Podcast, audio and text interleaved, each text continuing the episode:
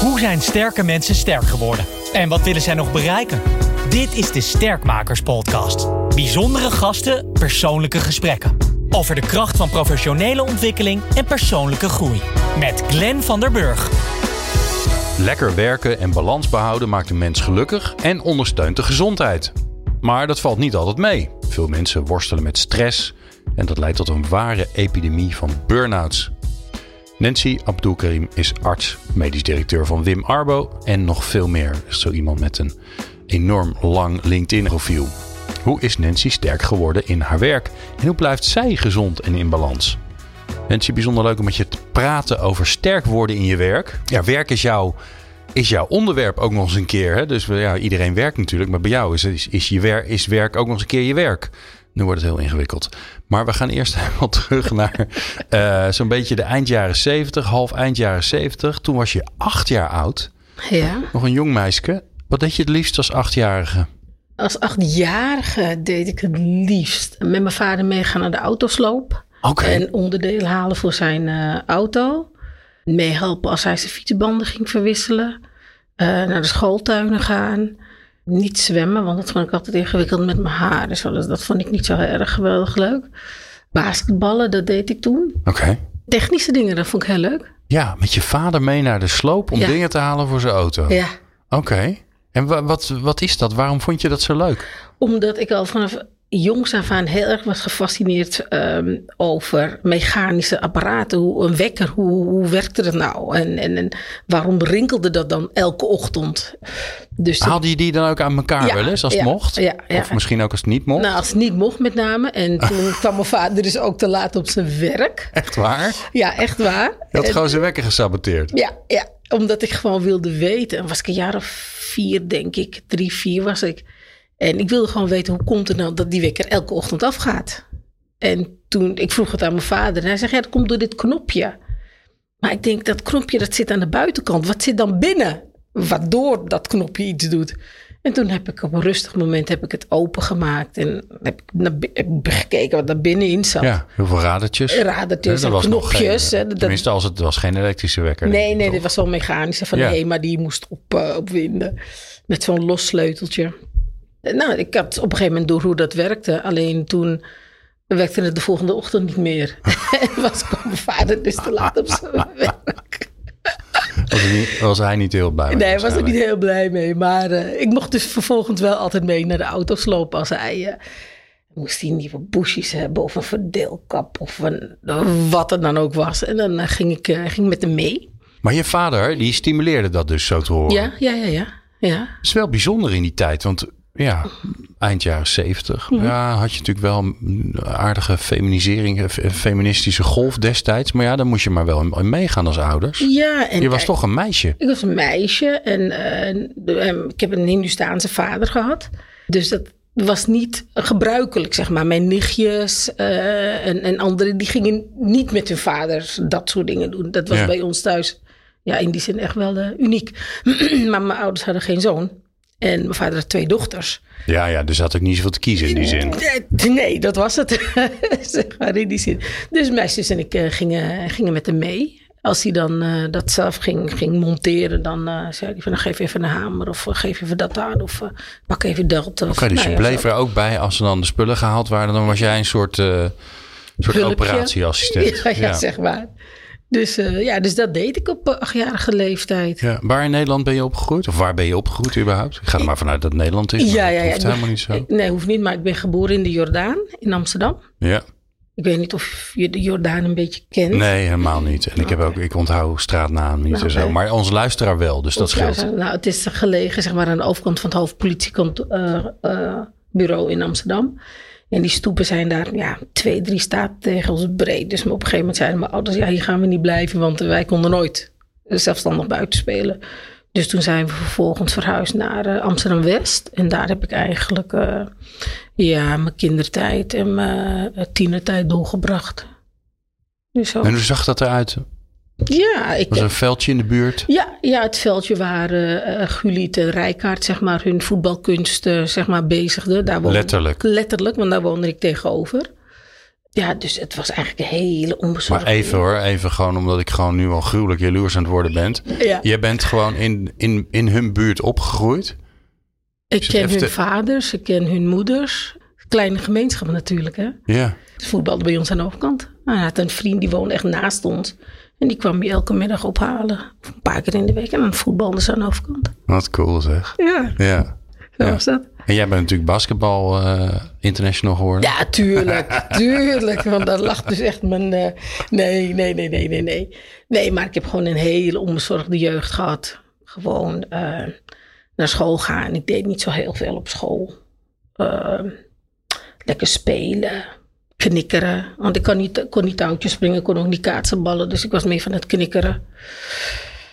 Gewoon lekker jezelf zijn. Wat heb je eh, los van de, de, de, de interesse in, eh, in auto's eh, van je ouders meegekregen? Mijn moeder is een Creoolse van Aruba. En mijn vader is een Hindustaan van Suriname. Dus van meet af aan hebben wij meegekregen om oog te hebben voor verschil. Maar dat samen te brengen om eh, in harmonie te kunnen leven. Mijn ouders die hebben een, eh, een bijzondere combinatie. Dat komt niet heel veel voor. Hè? De Antillen en Suriname, dat dat mixt. En al, niet, al helemaal niet Hindustaans en Creools. Maar zij hebben... Waarom is dat eigenlijk? Ja, dat is een stukje koloniale tijd. Eh, de eilanden, de slavenmarkten, de, de waarde van slaven in, in schelpen en kralen en, en dat soort dingen. En daardoor hebben, eh, hadden halfbloedjes een andere waarde dan raszuivere ouders, nou ja, eh, et cetera. Dus dat heb ik eh, van hen Maar bizar dat dat nog steeds doorklonk, dus blijkbaar in de tijd van jouw ouders. Ja, in de tijd van mijn ouders wel. Mijn ouders zijn nu drie jaar overleden. Ik denk, ze zouden nu, denk ik, 58 jaar getrouwd zijn. Dus in de tijd dat zij trouwden, was het toch echt wel een ding. Ja. Dat een Hindustaanse man met een Creoolse vrouw. eh, Maar kan je dat vergelijken eh, in die tijd dat een, een witte Nederlandse man met een eh, gekleurde vrouw trouwde? Want dat was in het begin, wat vonden mensen dat ook ingewikkeld. Ja, ja, ja.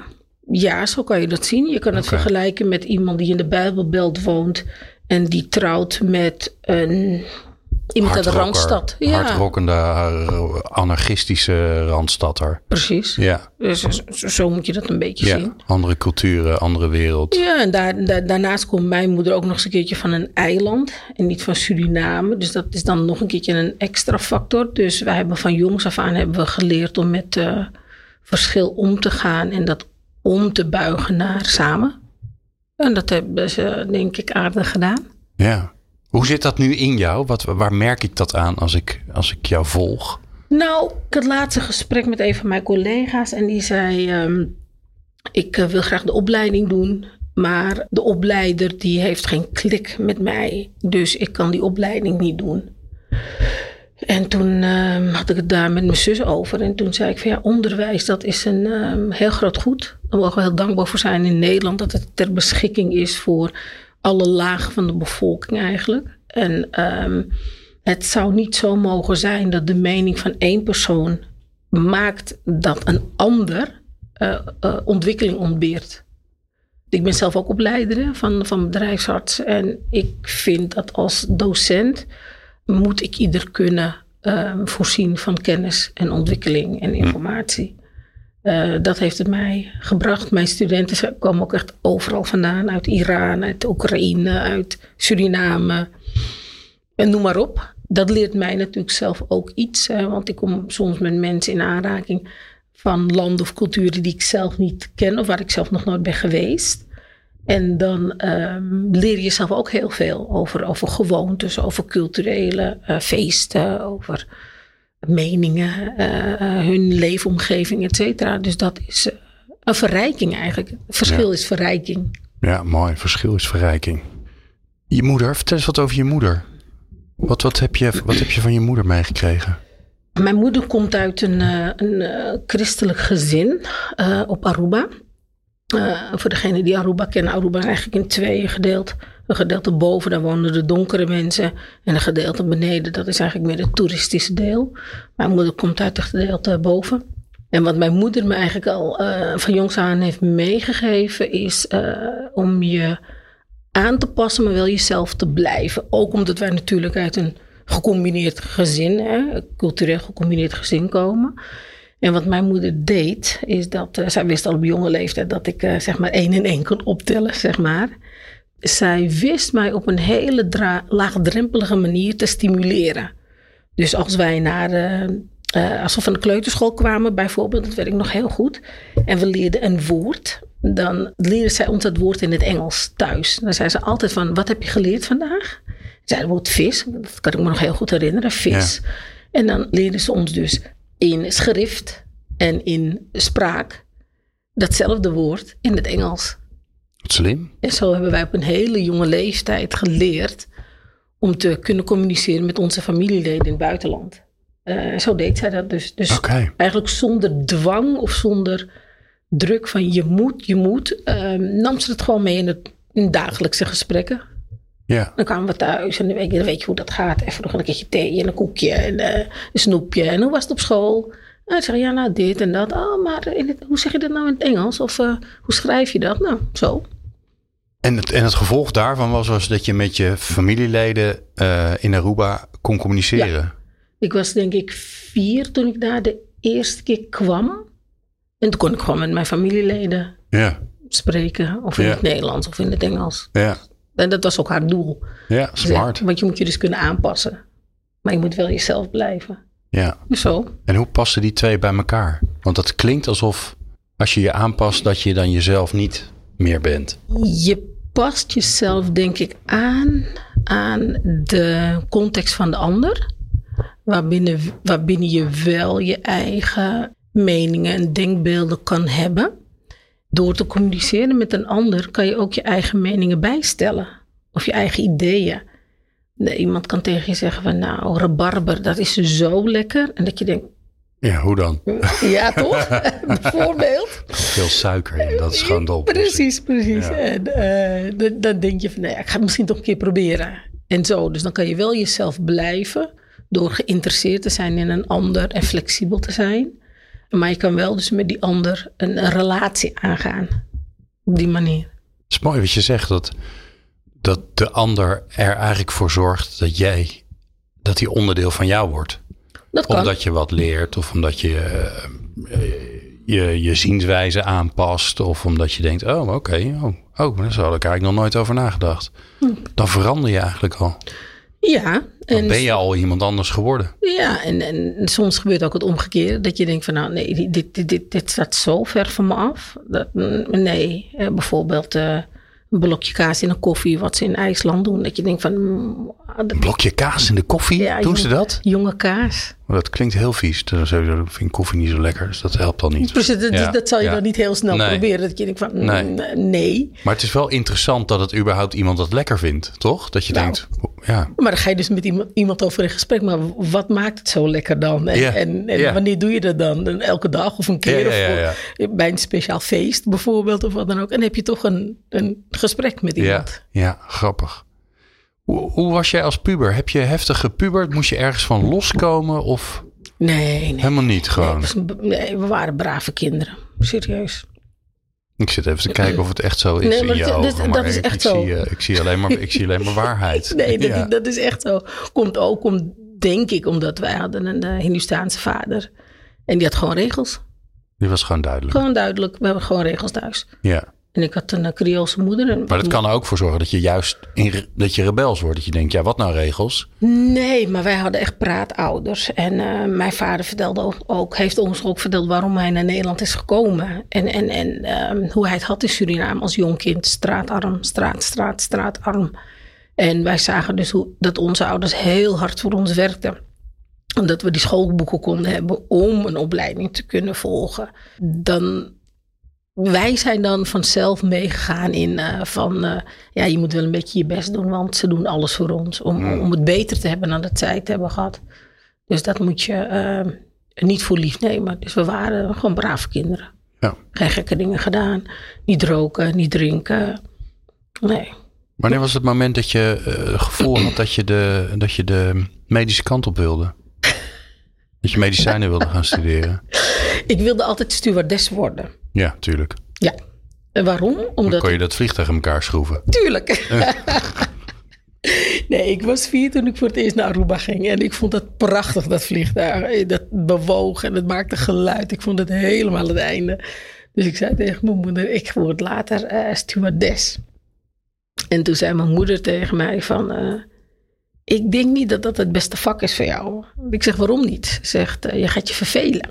Ze zegt, want je bent een, eh, en het- met alle respect voor stewardess hoor. Eh, mijn moeder zei, je bent dan een soort serveerster in de lucht. Ze zegt, dat, dat ga jij niet leuk vinden. Jij wilt, je bent veel te veel geïnteresseerd in hoe dingen werken. Ja.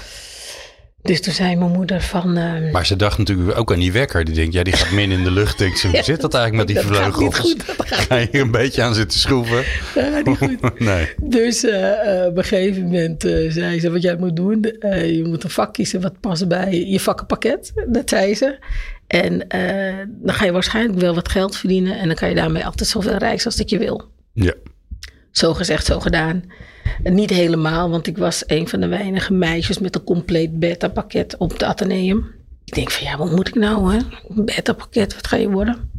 en toen dacht ik van, eh, ik word dokter, want ik ben een beta. Dus ik, het was niet zo dat ik vanaf vierjarige leeftijd zei, ik, ik, ik word dokter. Absoluut niet. Dat is gewoon in eh, vijf, zes Atheneum gekomen. Omdat ik, ja, ik had dat pakket en ik had een compleet beta-pakket. Dus Maar ja, daar had je ook, eh, weet ik veel, eh, bouwkundige kunnen gaan studeren. Of eh, biomedische wetenschappen. of, eh, Dat was, ik vond dat te technisch, want ik vond mensen ook wel interessant. Dus ik denk van als je dan technisch bent en je vindt mensen interessant, ja, dan word je dokter.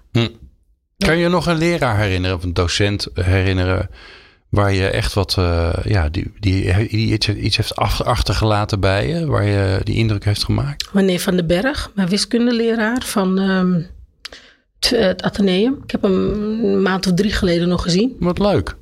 in Amsterdam bij het paleis. Hij heeft mij, eh, eh, hij heeft mij wiskunde aangeleerd op een zo eenvoudige manier. Zonder het boek. Hij gebruikte nooit het lesboek, nooit. Hij schreef gewoon sommetjes op. En hij zei van, eh, wat zie je? Hoe moet je dat oplossen? En zo heb ik wiskunde geleerd. En dus ook het vinden van Maar de oplossingen. woorden wiskunde en eenvoudige manier, die heb ik Ja. nog nooit in één zin samen gehoord. ja, Behalve van mensen die wiskunde studeren. Meneer Van den Berg, Lyceum Amsterdam, die man was zo'n goede leraar. En hij heeft mij, hij heeft me wiskunde aangeleerd, maar hij heeft me met name geleerd hoe je op een hele eenvoudige manier tot oplossingen komt. Door alleen te kijken naar wat je hebt en niet te kijken naar wat je niet hebt. En eh, dat heb ik van hem geleerd. Ja, ja, dus het is meer een soort manier van denken geworden. Ja, ja. Want ja, bij wiskunde, je hebt, eh, je, hebt, je hebt inderdaad de variabelen die je moet gaan zien op te lossen. En eh, ja, daar moet je het mee doen. Maar logisch nadenken. Je hebt, dus geen, Grappig. je hebt dus geen boek nodig. Je hebt dus niet al die regels nodig. Je moet leren kijken. Ja, Dat heb ik van hem geleerd. mooi. We, gaan, naar, eh, we gaan naar het nu. Naar, eh, naar hoe je nu in je werk staat, in het leven staat. Wanneer voel jij je sterk? Wat ben je dan aan het doen in je werk? Wanneer ik bezig ben met de dingen die mij interesseren, die ik leuk vind, maar waarbij mm, niet alleen ik daar voordeel aan ervaar, maar ook anderen. Eh, zoals ik ben docent, wat ik net zei. En in het afgelopen jaar heb ik een postacademische opleiding geschreven voor eh artsen in Suriname. Dat bestond nog niet, geschreven.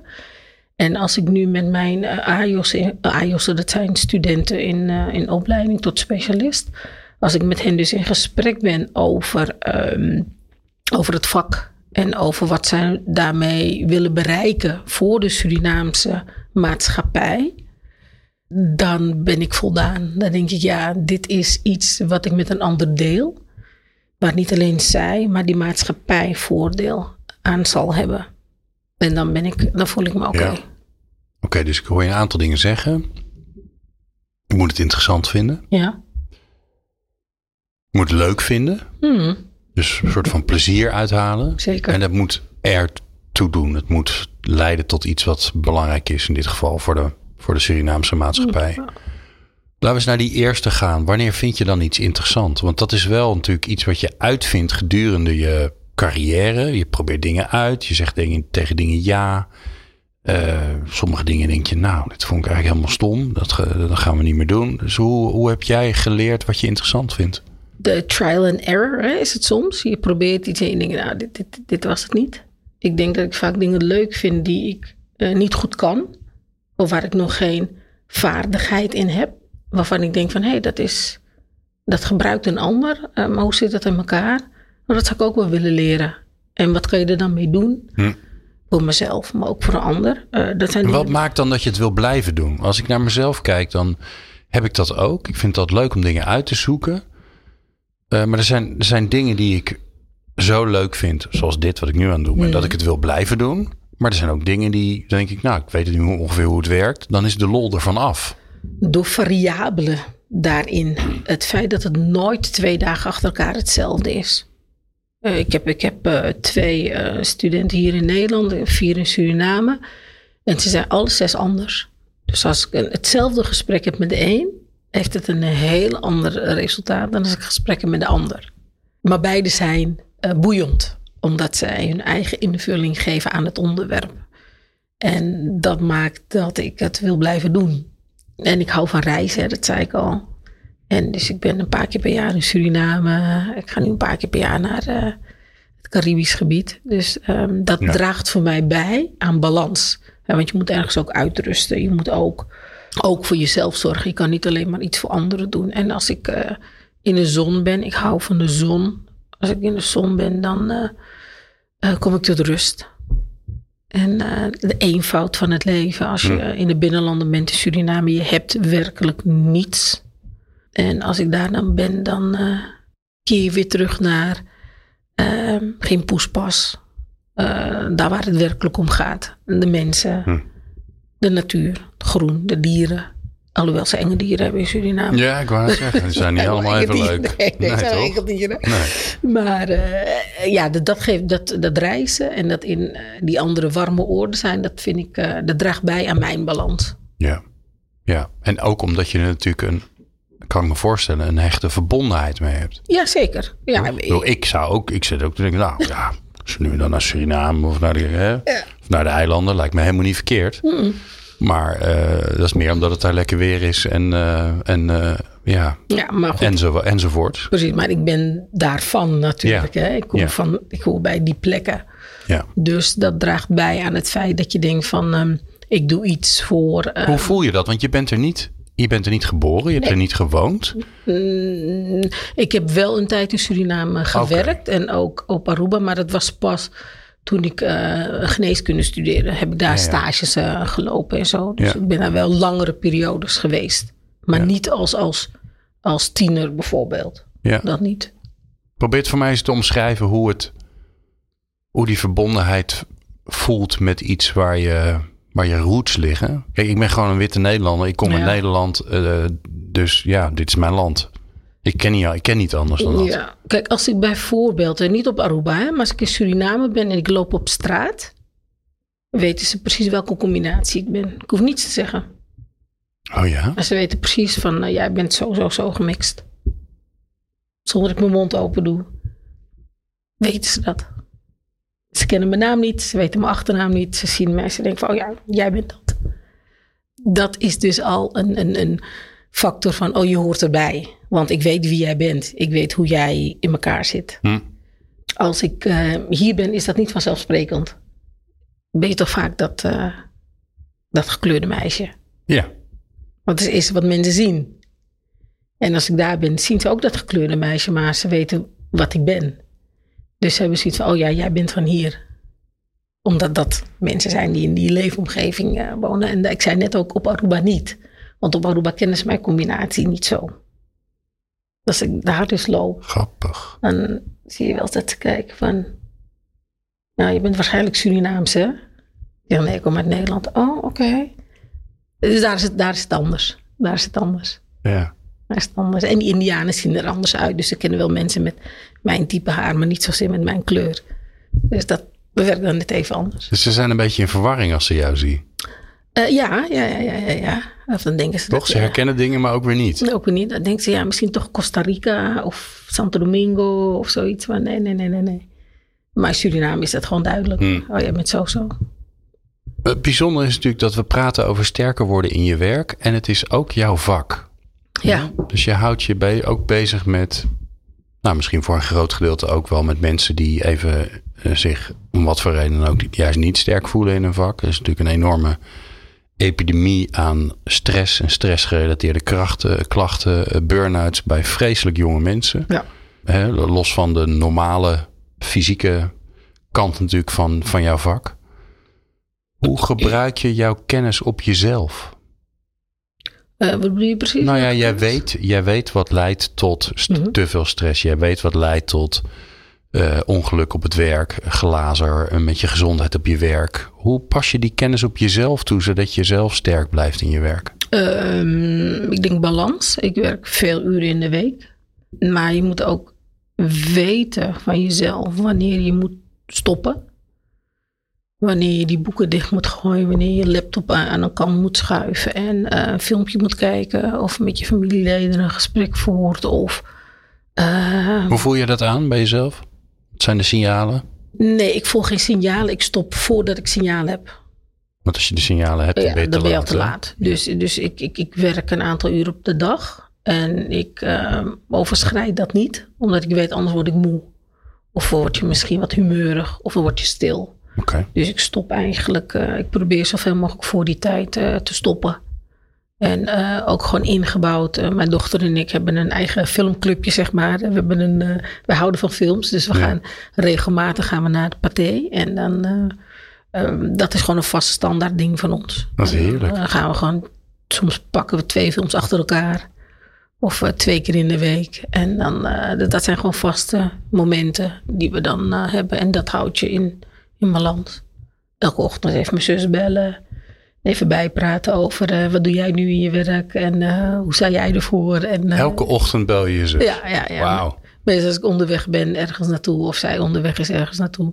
Ik ben druk, maar mijn zus ook. Zij is ook een van mijn voorbeelden, zeg maar, in die zin. Zij moest altijd naar de huishoudschool, heette dat vroeger. Want ze zeiden van, ach, weet je, dan kan je later bij de HEMA werken. Dat was echt werkelijk haar schooladvies. Mhm. En toen is zij uiteindelijk, eh, ze is nu jurist, ze heeft een eigen mediation en eh, scheidingspraktijk daarnaast en eh, geeft ook les. Ehm, dus wij hebben het heel vaak over de business, zeg maar, zus en ik. Wat grappig dat, dat, dan, dat die wegen zo anders zijn gegaan. Ja. Dat jij eigenlijk vanaf jongs af aan door je moeder, die zei, die, die zag van nou, die, dat, is, dat is een slimpie, die heeft de dingen door. Dat je gestimuleerd bent om te gaan leren. En dat bij je zus zo anders is gelopen. Nee, mijn zus kreeg dat schooladvies van de docent op school. Ja, oké. Maar thuis ehm, zat mijn moeder echt elke dag met mijn zus sommetjes te maken. Ja, ja, ja. Want daar had ze wat moeite mee. Maar het systeem paste haar gewoon niet in die leeftijd. Mm, Zij was gewoon, zij leerde gewoon anders op een andere manier, met een andere drijfveer. Ja. En mijn ouders hebben dat altijd ondersteund. Eh, we zijn natuurlijk twee kinderen uit één gezin, maar ze hebben ons op onze eigen manier zeg maar, gesteund en eh, gestimuleerd. En dat heeft voor ons beiden eh, gewerkt. En met een goed resultaat, zeg maar. zeggen, ja. Maar we zijn iets anders, omdat we gewoon andere mensen zijn. Andere weg. Ja, andere weg. Ja. En, en mijn moeder had het heel goed door hoe ze ons op een andere manier moest stimuleren, gezien de kinderen die we waren. ja. En dat heeft ze goed gedaan. Mooi. We laten ons even verrassen, Nancy. Oh. Daarvoor heb ik een eh, leuk kaartspel bij me. Spelen met talenten heet het kaartspel. eh, van uitgeverij Thema. Ehm, linkje staat in de show notes. Als je denkt, goh, interessant. Daar heb ik wel wat aan in mijn werk. Het is een kaartspel met grote kaarten. eh, verschillende soorten kaarten. Feedbackkaarten, doelen, waardekaarten, talentenkaarten. Nou, ik ga er eentje voor jou eh, uithalen. Oeh. Als je 2 miljoen zou winnen, Ja. Of gewoon nog veel meer, want ik gun je dat. eh, hoe zou je je leven dan vormgeven? Oftewel, wat gaat er veranderen als je gewoon financieel onafhankelijk bent? Je hoeft nooit meer te werken voor je geld. Eh, niet stoppen met werken, omdat ik eh, plezier beleef aan dingen die ik doe. Ik zou een deel van het geld besteden voor een kinderproject. En ik zou een deel besteden van het geld aan een ouderenproject. Want de ouderen zijn degene die toch een, een gedeelte van onze maatschappij waarin wij nu leven eh, hebben vormgegeven, op welke manier dan ook. Ik ehm, ben van mening dat de, de, de kinderen, de jongeren, daar moeten we het zaadje planten voor, voor, voor later. Ja. En ik zeg niet zomaar het zaadje planten, want ik zou bijvoorbeeld een, een, een doel wat ik heb, uh, en dat heb ik echt, is dat ik vind dat kinderen moeten leren omgaan met, met voeding. En dat ze ook moeten leren zelf hun voeding voort te brengen. Ik weet niet wat jij vindt van de prijs in de, in de supermarkten, maar het is best aan de maat. En uh, ik denk dat als je kinderen leert uh, uh, verbouwen en Oh. ook te, te, te, te laten ervaren hoe het is om iets tot wasdom te laten komen. Je, je plant een zaadje, je moet geduld hebben, je moet het verzorgen. ja, hoeveel aandacht dat eigenlijk nodig heeft. Hè? Precies, Ja. dat ze daardoor ook veel meer waardering hebben en minder zullen verspillen. Gezondere eh, keuzes maken in het eten. Eh, en ook andere dingen proberen die ze misschien niet zo 1, 2, 3 kennen of herkennen. Dus daar zou ik wel eh, in willen investeren. Dus iets voor de ouderen, iets voor de jongeren. Ga je nog iets voor jezelf doen? Ja, dat hoeft voor mij niet hoor, want dat heb je niet gezegd. Maar Ik heb niet zoveel wensen meer je eigenlijk. bent eigenlijk gewoon... Ik ben wel goed zo. Ja, dus je, je leven gaat door zoals het nu is. Ja, Alleen je, je hebt de mogelijkheid om dingen te ondersteunen die je belangrijk vindt. Ja, en ik denk van hoeveel moet een mens hebben? Ik ben gezegend met het feit dat ik eh opleiding heb mogen genieten. Dan mag ik een aardig centje mee verdienen. En hoeveel moet je hebben? Hoeveel huizen moet je hebben? Hoeveel auto's moet je hebben? Op een gegeven moment is het genoeg. Dus ja, ik ben wel goed zo. ja. Oh, heerlijk. Alright. Waar, waar wil je zelf nog sterker in worden? Waarvan denk je, ja, nou, dat heeft nog wel een beetje ontwikkeling nodig. Daar moet ik nog wel even wat tijd aan besteden. Voor mezelf, hè, bedoel je? dan? Ja. Waar je meer van wil weten. Of waarvan je denkt, ja, dat is een Oh, eigenschap. Daar moet ik wel een beetje aan gaan schaven. Toch een beetje, niet echt een hele handige eigenschap. Geduld, denk ik. Geduld. Ik, ehm, soms zie ik het en dan zie ik een situatie of dan hoor ik een verhaal en denk ik, oh, volgens mij zit het zo. Meestal zit het ook zo, achteraf. Maar je moet soms het geduld hebben om die ander ook eh, in hetzelfde tempo of in zijn eigen tempo tot dat resultaat te komen. En eh, soms zie ik en denk ik van, ja, maar dat zie je toch? Eh, maar de ander ziet dat niet altijd. Dus dan moet je soms wel eventjes wachten. Totdat die ander ook daar is. Ehm, heb ik gek genoeg met patiënten eigenlijk niet. Ehm, maar eh, ja, geduld, denk ik.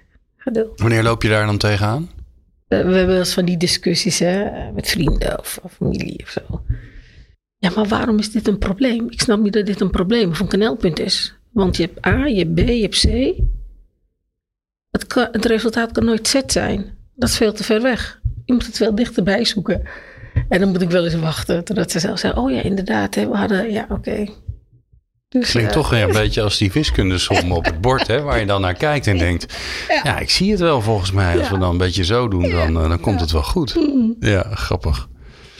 Hey, eh, Nancy, ik neem je mee naar je tachtigste verjaardag. Het Ja. duurt, eh, duurt nog even, maar Mhm. ehm, leuk, gezellig. Je bent jarig, gefeliciteerd met je Mhm. tachtigste. Je familie, je vrienden, je bekenden, de mensen die je dierbaar zijn, die zijn, eh, die zijn op je feestje.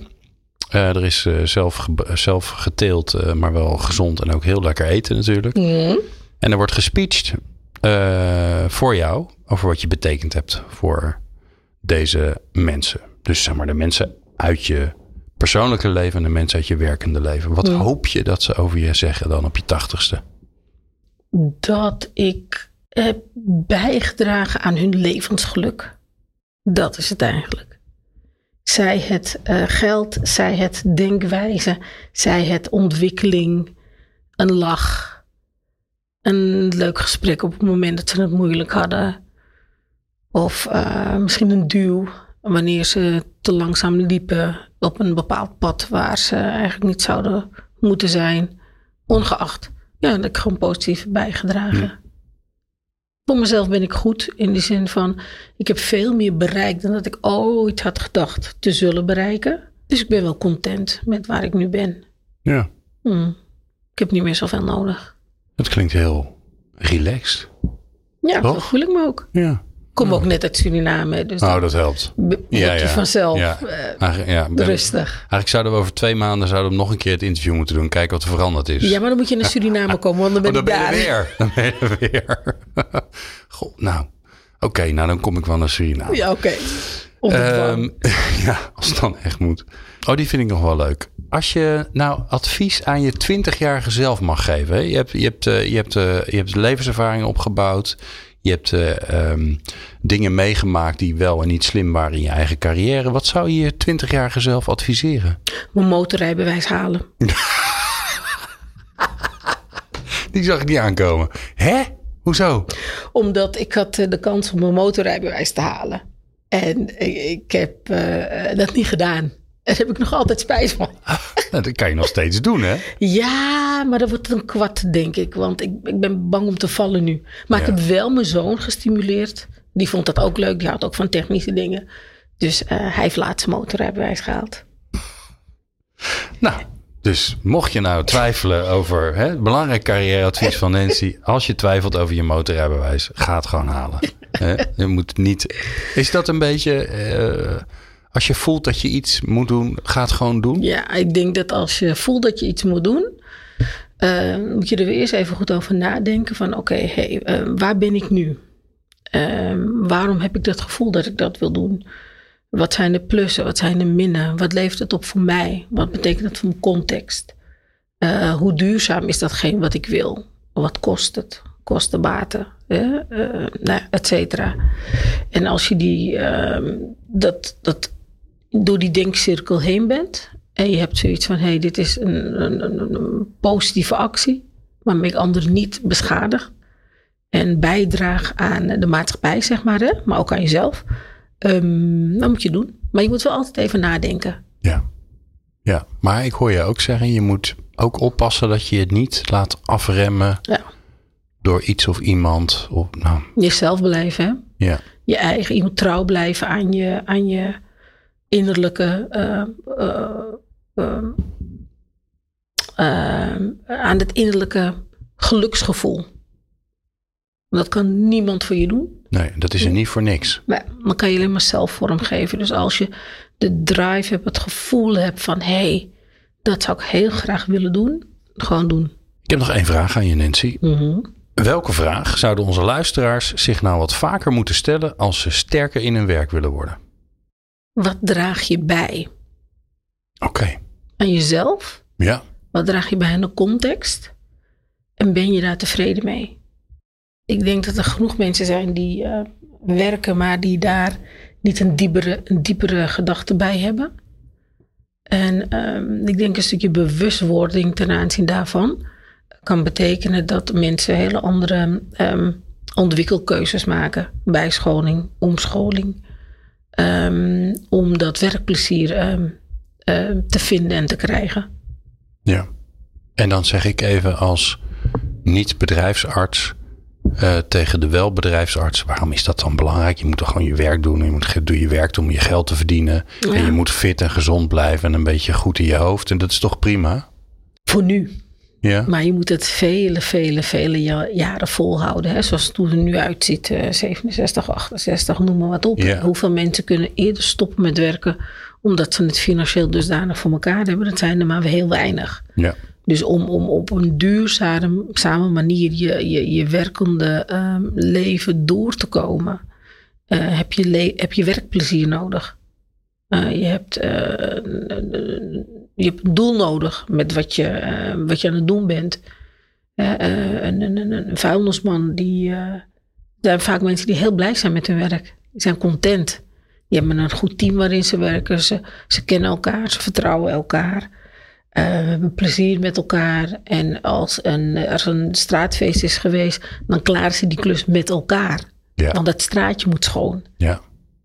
En zij hebben dus plezier in hun werk. Ik ken heel veel cashiers die bij supermarkten werken. Die vinden hun baan geweldig. Omdat zij iets bijdragen. Ze hebben een goed gesprek met mensen. Mensen komen speciaal in hun kasserij staan. Omdat zij die persoon kennen. Mm-hmm. En dat draagt bij een plezier. En dus hè, wat, wat voeg je toe voor een ander en voor jezelf? Uh, dat is denk ik heel belangrijk. Ik dank jou zeer. Je hebt geluisterd naar uh, onze fijne gast, uh, Nancy Abdul Karim. Um, van onder meer, want ze doet honderdduizend verschillende dingen. Wim Arbo, um, dankjewel Nancy voor het leuke gesprek. Wil je nou meer informatie over het kaartspel? Of over Nancy zelf misschien wel? Uh, want ik moest er gewoon een linkje naar de LinkedIn uh, in. Uh, dan kan dat. Dat vind je in de show notes en op onze socials. Dankjewel voor het luisteren. Bedankt voor het luisteren naar de Sterkmakers podcast. Hopelijk heb je er nieuwe energie van gekregen. Maar echt sterker word je door er iets mee te doen. Dus waar wacht je op? Aan de slag! Meer podcasts vind je op jouw favoriete podcast-app door te zoeken op de Sterkmakers Podcast. Bezoek ook onze website sn.nl/podcast voor alle informatie over de Sterkmakers Podcast.